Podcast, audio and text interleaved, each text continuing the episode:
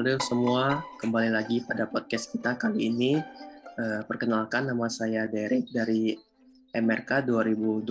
Saya hari ini akan menjadi MC. Hari ini saya ditemani oleh salah satu dosen MRK, yaitu Bu Susi, dan juga Kak Claresta sebagai mahasiswi MRK Angkatan 2018. Halo Bu Susi dan Kak Claresta, apa kabarnya? Alhamdulillah saya sehat. Selamat uh, siang semuanya ya. Semoga sehat juga. Halo Kakak Resta, apa kabarnya? Halo, baik aja. Oke, tanpa lama-lama kita mulai podcast kita kali ini. Oke, jadi kita akan membahas kali ini kita akan membahas tentang perspektif teknik sipil dan MRK. Jadi mungkin saya mau bertanya kepada Bu Susi dan Kak Clarista, apa sih perbedaan dari teknik sipil dan MRK? Mungkin boleh dari Bu Susi dulu. Oke, uh, Derek gini ya, uh, saya dulu ya waktu kuliah S1, saya tuh mengambil uh, jurusan namanya teknik sipil. Nah, uh, setelah tiga uh, tahun ya saya berkuliah waktu itu SKS-nya masih 160 SKS tuh ya. Nah, terus kita mulai dijadikan uh, sub jurusan namanya. Dan salah satu sub jurusannya itu MRK. Jadi kalau dari uh, apa dari sudut pandang uh, teknik sipil MRK itu adalah salah satu subjurusannya. Nah, tapi kalau yang kita punya di uh, eh, MRK yang di prodi kita ini itu program D4 ya, artinya yang setara dengan S1 tapi memang belajar khusus uh, di bidang MRK itu. Kira-kira itu.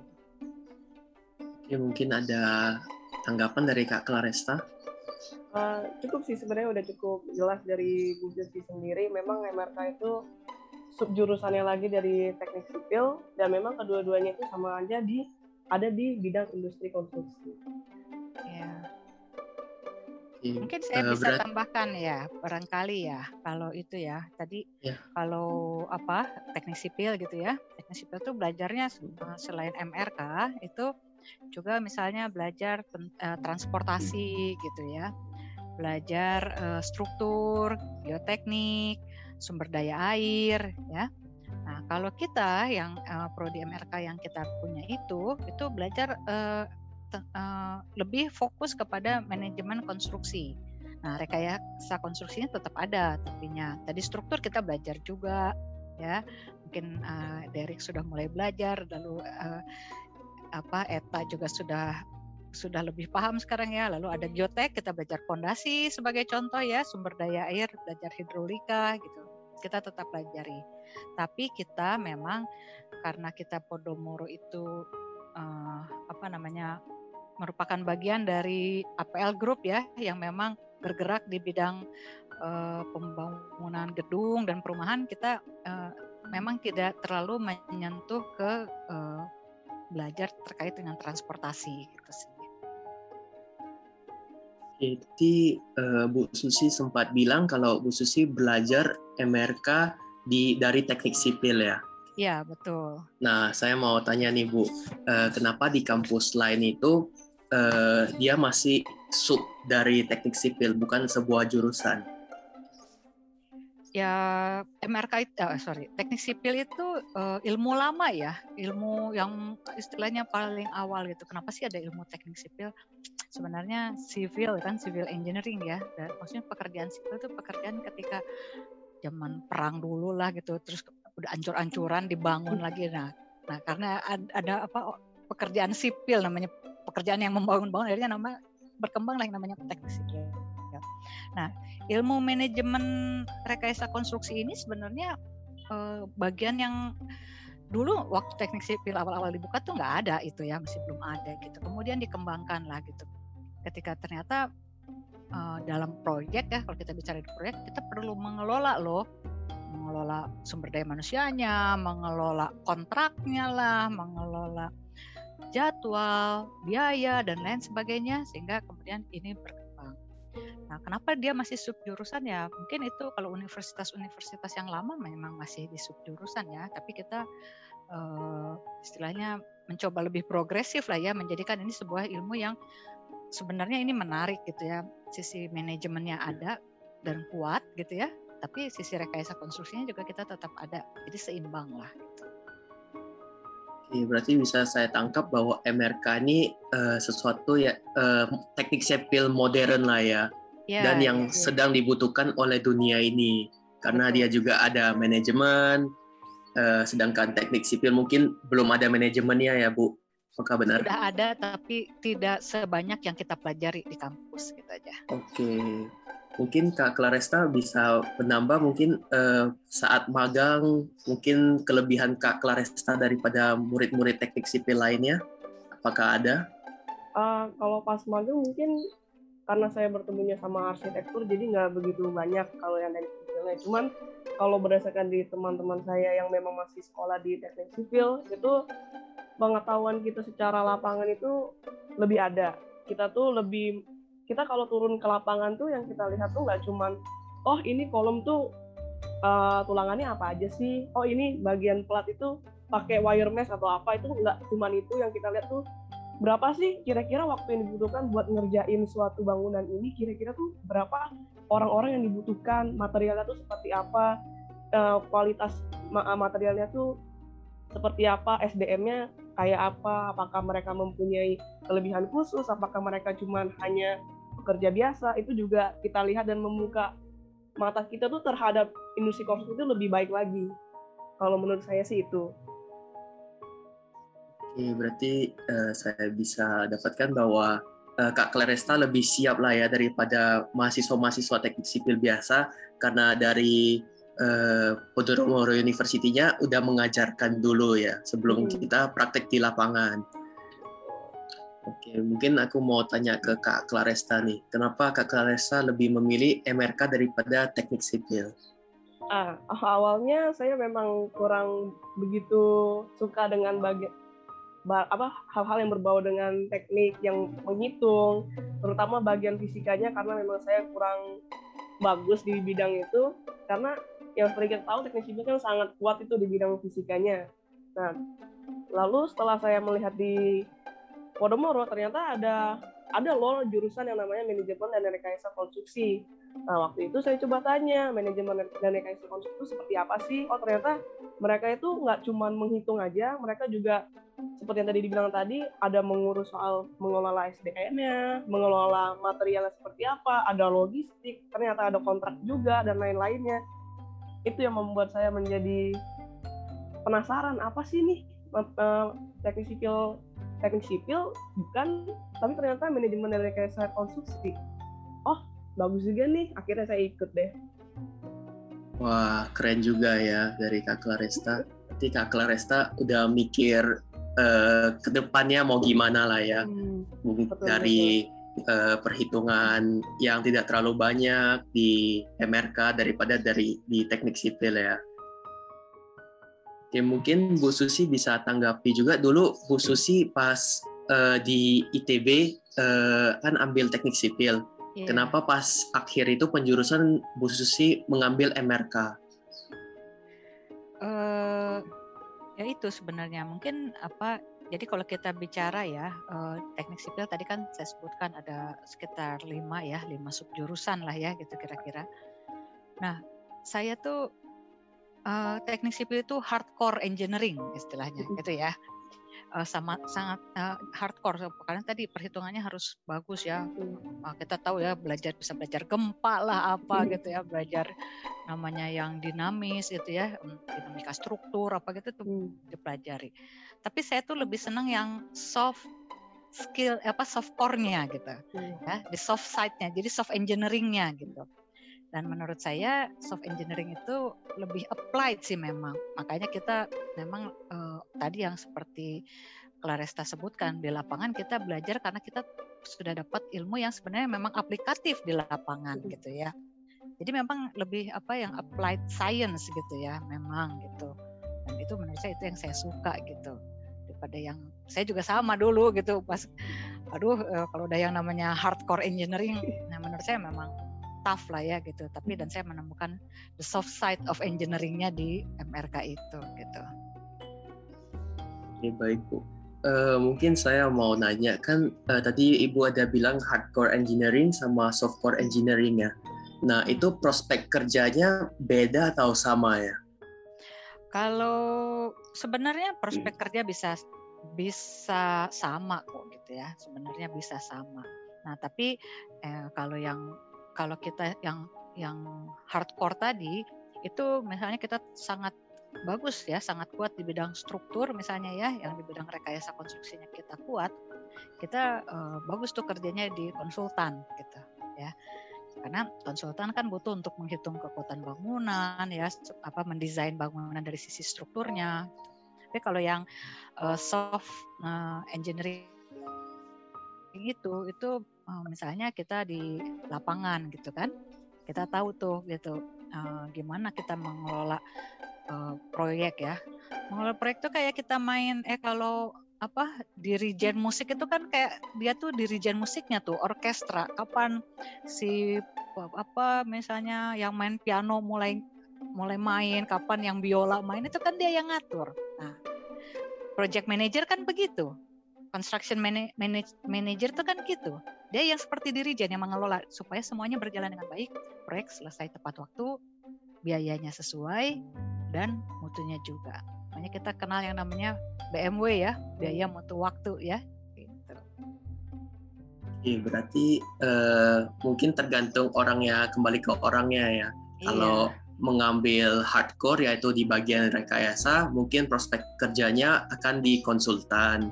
Kalau mengambil softcore mungkin uh, untuk menjadi project manager yang mengatur-ngatur gitulah karena dia kan yeah. bisa manage ya dari manajemen kan kita udah mengerti lah kata itu untuk uh, memanage uh, suatu proyek ya Bu ya, benar ya? Ya, boleh mungkin saya tambahkan juga ya, tapi bukan berarti kalau MLK nggak bisa dikonsultan bisa. Konsultan yang desain ada juga kan konsultan MK kan, yang memang dia menjadi apa uh, owner representatif misalnya ya, atau yang ada konsultan yang menghitung biaya menghitung RAB kan ada tuh konsultan. Ada yang konsultan memang uh, untuk apa di kontraknya gitu ya yang kuat dengan kontraknya bisa juga begitu gitu ya nggak gak lepas sih sebenarnya bisa juga gitu berarti MRK itu bisa lah ya kita mau ke manajemen bisa mau ke rekasa bisa tergantung ya. kita sendiri mungkin kayak ya. Kak Claresta uh, berarti lebih ke arah manajemen ya mm, maka benar mungkin Kak Claresta bisa uh, kasih uh, cerita ke kita pengalaman di manajemen konstruksi gimana aja sih? Mungkin pas magang atau apa? Uh, kalau khusus untuk magangnya sendiri baru-baru ini saya magang dua itu di uh, kontraktor. Cuman kontraktornya itu nggak hanya kerja di lapangan, tapi saya ambilnya di departemen bagian estimasi. Nah, bagian estimasi itu ngapain sih? Bagian estimasi itu sebenarnya kita itu menghitung uh, gambar yang udah ada, yang udah diberikan oleh owner, yang dimiliki oleh owner, terus kita hitung volumenya berapa, ntar nanti jadinya biayanya berapa. Mungkin uh, nanti mungkin ada AHS-nya dan kita juga di sana uh, belajar sedikit terkait dengan uh, departemen tender, di mana kita harus memastikan bahwa hitungan kita tuh udah yang paling bagus lah kita udah yang paling paham kita udah yang paling benar karena uh, sekali lagi kalau untuk menghitung uh, eh, RAB sendiri ini sebenarnya uh, setiap orang itu setiap yang menghitung menghitung RAB ini memiliki nilai-nilai yang berbeda tergantung sama nanti uh, penjelasan kita terhadap owner itu seperti apa. Berarti manajemen uh, plus ada rekayasanya dikit juga ya, hmm, seperti betul. estimasi menghitung volume dan lain-lain ya.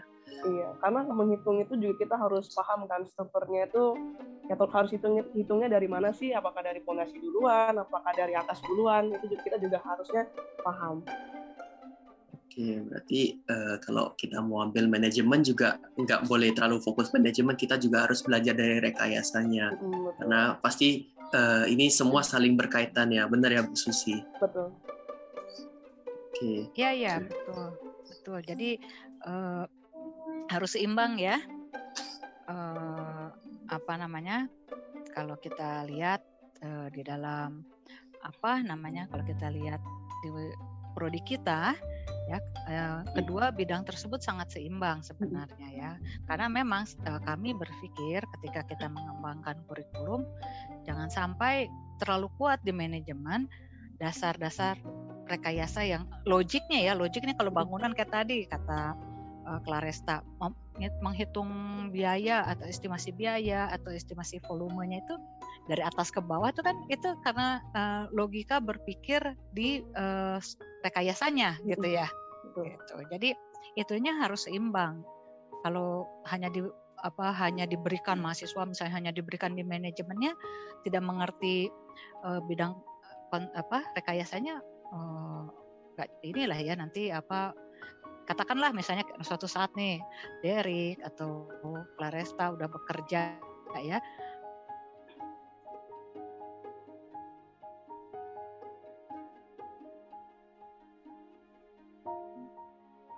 Kalau nggak ngerti nanti mandornya padahal kenapa gitu ya? Karena salah salah ngerjakan karena kita nggak ngerti. Nah kira-kira gitu. Jadi memang kedua bidang tersebut seimbang walaupun memang kita kuat seimbang dalam arti bukan 50-50 ya bukan begitu ya kalau kita bilang seimbang tuh. Tapi seimbang karena uh, kita kuat di manajemennya tapi kita juga tidak mengesampingkan rekayasa konstruksinya. Oke, baik. Uh, mungkin untuk menutup podcast kita hari ini, uh, mungkin ada beberapa saran dari Bu Susi dan Kak Claresta untuk anak-anak SMA yang masih bingung untuk memilih antara MRK atau teknik sipil. Kalau saya ya gini, mungkin kalau kita lihat di Podomoro uh, ya prodi MRK kita apa sih yang menurut kalau di dalam pandangan saya ya apa yang menjadi kekuatan itu uh, tadi ya kita punya di bidang ilmu manajemen yang mungkin di eh, yang bukan mungkin yang pasti di teknik sipil itu tidak dipelajari ya. Misalnya manajemen risiko manajemen lingkup tadi manajemen sumber daya manusianya gitu. Itu itu tidak dipelajari. Itu hanya di, bagian dari sebuah mata kuliah lah gitu satu dua mata kuliah. Kontrak pun kita ada ada uh, apa kita ada pengadaan ada kontrak ada yang aspek hukum. Kita tuh sampai tiga mata kuliah ya. Itu itu kalau di uh, teknik sipil nggak sampai sebanyak itu ya. Nah itu yang menurut saya tadi yang menyeimbangkan secara ilmu itu kita cukup uh, luas ya dalam jadi kalau di proyek itu dari A sampai Z-nya kita kita berikan lah gitu kita ajarkan lah kepada mahasiswa. Nah terlepas dari itu MRK kita juga kita punya keilmuan yang terkait uh, apa bidang yang terkait dengan kewirausahaan ya enggak uh, kalian uh, mungkin semester 1, semester 2 tuh udah diberikan tuh mata kuliah terkait kewirausahaan. Ya kewirausahaan itu bukan harus bisnis ya, tapi bisa juga cara berpikir, ya enggak?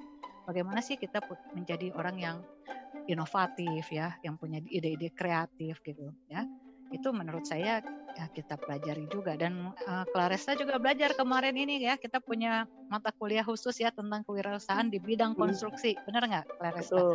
Mungkin itu yang uh, sangat beda tuh dengan uh, apa dengan uh, kalau kita belajar di tempat lain gitu sih hmm. itu ya jadi artinya uh, kita tuh nggak nggak wah hanya engineering tok gitu ya baik soft engineering maupun hard engineering ya, tapi kita juga belajar hal yang lain. Dan sekarang misalnya uh, Claresta belajar tentang keuangan gitu. Apa sih keuangan? Apa sih akuntansi di bidang engineering? Nah, itu kita pelajari juga gitu.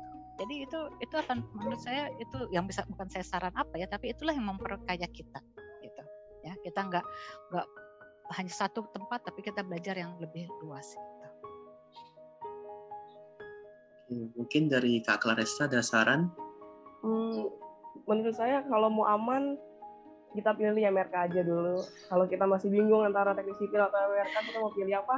Kita MRK aja dulu. Kenapa? Yang pertama MRK kita tuh sama sekali nggak kalah sama MRK MRK atau teknik sipil yang lainnya. Karena seperti yang tadi dibilang juga kita nggak cuma belajar teorinya tentang struktur-struktur aja tapi ternyata kita juga belajar prakteknya itu seperti apa sih? Nanti di lapangan. Di lapangan pun dosen-dosennya nanti sering apa memberikan pengalaman-pengalaman yang mereka punya. Kayak nanti mungkin suatu saat Susi bercerita tentang pengalamannya dia di bidang ini di lapangan itu seperti apa. Terus uh, problem solving itu seperti apa nanti kita juga diberikan lalu hmm, uh, saya juga mau kasih tahu juga di MRK kita MRK kita ini kita memiliki dosen-dosen yang sangat berkompeten, sangat bagus, sangat baik dan sangat responsif terhadap uh, murid-muridnya. Uh, yang seperti kita tahu, contohnya aja deh, uh, ada bukunya Bu Susi tentang alat berat, orang-orang cuma pakai bukunya aja. Kita punya dosennya sendiri yang bisa kita tanya-tanya terus, yang kita bisa gali, yang kita mau.